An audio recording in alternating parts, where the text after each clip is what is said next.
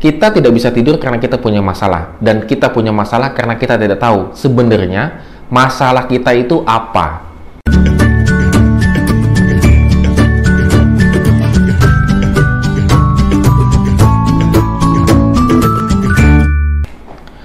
Shalom good readers, apa kabar? Tetap semangat, tetap berpengharapan di dalam Tuhan sehingga apa pun yang kita lakukan di dalam kehidupan kita pada hari ini selalu diberkati oleh Tuhan.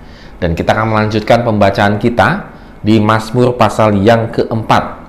Tetap setia juga untuk membaca firman Tuhan. Uh, beberapa waktu yang lalu, anak-anak saya dan keluarga saya juga teman-teman itu uh, pergi ke Dufan, dunia fantasi. Lalu apa yang terjadi? Anak-anak saya tidak sabar untuk menunggu hari esok. Ya, seperti saya waktu kecil juga gitu ya.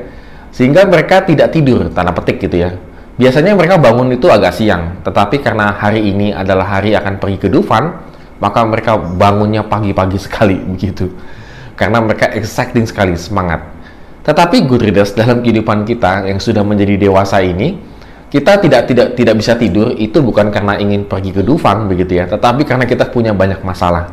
Kadang-kadang ketika punya banyak masalah, kita tidak tidur kita hanya tergeletak tetapi mata kita tetap melek gitu ya. Sampai subuh misalnya begitu barulah kita bisa tidur. Nah ini yang dialami oleh pemazmur bahwa dia susah sekali tidur karena dia uh, punya banyak masalah. Nah bagaimana tips daripada pemazmur supaya kita bisa tidur nyenyak? Dari Mazmur ini kita akan belajar ya. Yang pertama adalah dikatakan biarlah kamu marah tetapi jangan berbuat dosa Berkata-katalah dalam hatimu di tempat tidurmu, tetapi tetaplah diam. Ini kita bisa lihat di ayat yang kelima, begitu ya. Nah, artinya apa, good readers? Hal ini menunjukkan supaya kita itu benar-benar bisa mengkoreksi diri kita, introspeksi diri kita.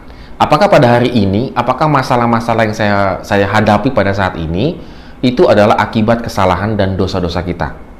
Jadi, kalaupun kita melek-melek di tempat tidur begitu ya, mari kita mengintrospeksi diri bahwa jangan-jangan memang ini adalah penyebab masalahnya adalah saya sendiri begitu ya. Padahal eh, kemarin-kemarin saya banyak menyalahkan orang. Tetapi setelah kita tidur artinya berbaring begitu, kita introspeksi diri. Oh iya, ternyata ini masalahnya adalah masalah saya diri, diri saya sendiri.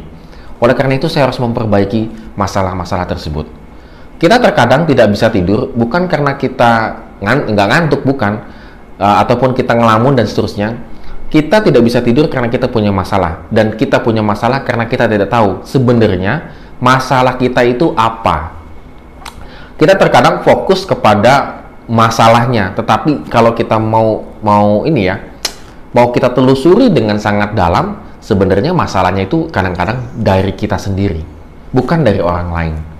Tapi kita karena sibuk ini masalahnya dari orang lain, maka kita lupa untuk mengintrospeksi diri kita.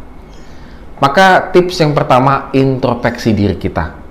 Kalau sudah ketemu masalahnya, itu akan lebih mudah membuat kita menjadi lebih ringan. Yang kedua, dikatakan di situ di ayat yang keenam, persembahkanlah korban yang benar dan percayalah kepada Tuhan. Kalau kita sudah tahu masalah kita apa, maka kita mempersembahkan korban, artinya kita percaya kembali kepada Tuhan. Tuhan, ini masalah aku. Ternyata masalahnya dalam diri aku sendiri oleh karena itu aku meminta ampun kepada engkau. Nah, itu dia.